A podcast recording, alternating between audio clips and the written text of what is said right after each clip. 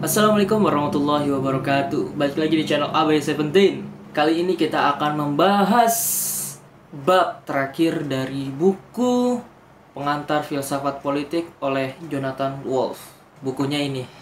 Di bab terakhir ini Alias bab ke-6 Kita akan membahas tentang individualisme dan feminisme. Tapi sebelum itu uh, Gue mau ngucapin selamat menunaikan ibadah puasa bagi teman-teman yang menjalankan ibadah puasa karena sekarang video ini dibuat kita sedang berada di bulan suci Ramadan 1441 Hijriyah. Semoga semua amal ibadah kita terkhusus sholat dan puasa beserta zakat diterima Allah Subhanahu wa taala. Amin. Pada bab terakhir, kita akan memulainya dengan individualisme. Di sini gue baca biar gak ada miss. Individualisme. Ada beberapa pandangan dari kaum individualisme liberal ekstrim. Yang pertama, kaum individualis ekstrim berasumsi bahwa tugas filsafat politik adalah menciptakan prinsip-prinsip keadilan. Dua, kebebasan dan kesetaraan individu merupakan hal terpenting.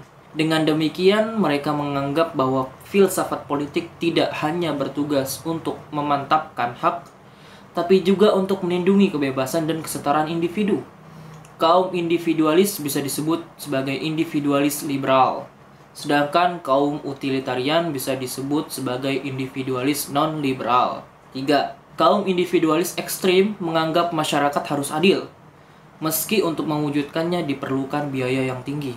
4. Kaum individualis menganggap bahwa setiap hak, kewajiban, dan tanggung jawab yang kita miliki bisa kita pahami sebagai hasil dari tindakan individu. Kita bahas satu ya poin-poinnya ya. Yang pertama tadi, kaum individualis ekstrim berasumsi bahwa tugas filsafat politik adalah menciptakan prinsip-prinsip keadilan. Nah, kaum individualis ini yang belum tahu adalah kan kalau kita kan bisa ngelihat ada yang namanya individualis, individual dan sosial biasanya kan. Kalau individualnya sendiri-sendiri atau sosial itu berkumpul rame-rame atau berkelompok. Jadi kaum individualis ekstrim berasumsi bahwa tugas filsafat politik adalah menciptakan prinsip-prinsip keadilan. Prinsip-prinsip keadilan itu yang udah kita bahas di pembahasan sebelumnya ya. Dua, kebebasan dan kesetaraan individu merupakan hal terpenting. Jadi semuanya itu bebas dan semuanya itu setara. Dengan demikian mereka menganggap bahwa filsafat politik tidak hanya bertugas untuk memantapkan hak, tapi juga untuk melindungi kebebasan dan kesetaraan individu.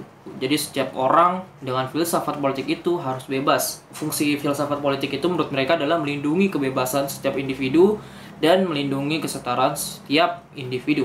Kaum individualis bisa disebut sebagai individualis liberal, sedangkan kaum utilitarian bisa disebut sebagai individualis non-liberal. Nah, kaum utilitarian juga kita pernah bahas di pembahasan sebelumnya. Mereka juga termasuk kaum individualis, tapi non-liberal.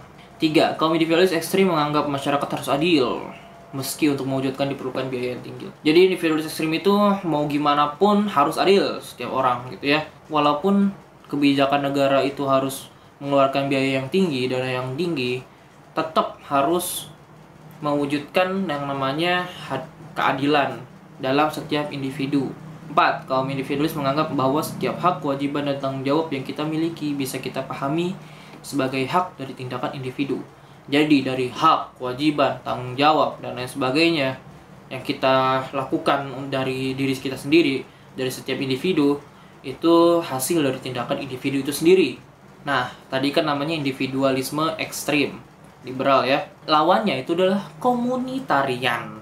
Komunitarian itu ya kalau kita ambil katanya berarti dari komunitas yaitu ya komunitas pasti rame-rame gitu kan jadi komunitarian ini adalah suatu pandangan yang menentang individualisme. Katanya, kaum komunitarian sering kali menyatakan bahwa tugas filsafat politik bukan menciptakan prinsip-prinsip abstrak tentang keadilan, namun membangkitkan satu visi tentang masyarakat yang baik. Jadi daripada menciptakan prinsip-prinsip abstrak tentang keadilan, filsafat politik sebaiknya menciptakan keterangan-keterangan yang konkret mengenai segala hal yang menjadikan masyarakat manusia dapat maju dan berkembang dengan baik. Jadi itu kritik komunitarian terhadap pandangan individualisme. Prinsip kaum individualisme ini bertentangan dengan prinsip kaum komunitarianisme, feminisme, dan Marxisme. Lanjut ke pembahasan berikutnya yaitu feminisme. Nah, ini ada cerita sedikit ya. Sebelum diberlakukannya Equal Pay Act tahun 1970, praktik penggajian standar ganda menjadi hal yang umum berlaku di Inggris Raya. Gaji yang tinggi diberikan kepada laki-laki, sementara wanita mendapat gaji yang rendah. Jadi sebelum tahun 1970 di Inggris Raya itu laki-laki itu mendapat gaji yang lebih tinggi daripada gaji yang wanita. Terus namun, Marx menilai bahwa kebijakan dalam memberikan hak yang setara masih tetap problematis. Pendapatan yang setara tidak akan menjamin adanya standar kehidupan yang setara jika orang yang satu memiliki tanggungan orang tua sedangkan orang lain tidak atau jika yang satu memiliki cacat fisik sedangkan yang lain tidak. Jadi, jika kebutuhan kaum laki-laki dan kaum perempuan memiliki perbedaan yang sangat banyak, Kebijakan pemberian hak yang sama bukanlah jalan untuk mencapai kesetaraan. Kalau misalkan ada orang yang mempunyai tanggungan orang tua atau memiliki cacat fisik, jadi kita nggak bisa yang namanya menilai keadilan dari kesetaraan gaji doang semata gitu, nggak bisa.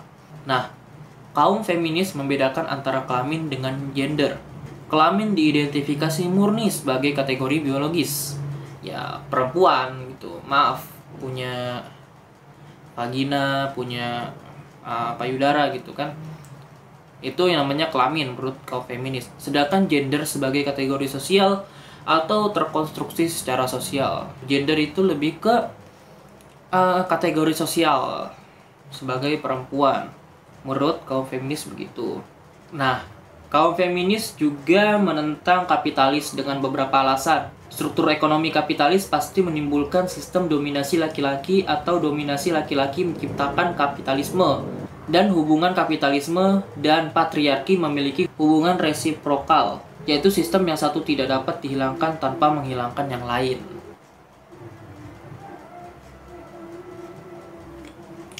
Sorry kalau misalkan ada suara-suara kayak gitu ya suara-suara lagu pengamen kayaknya.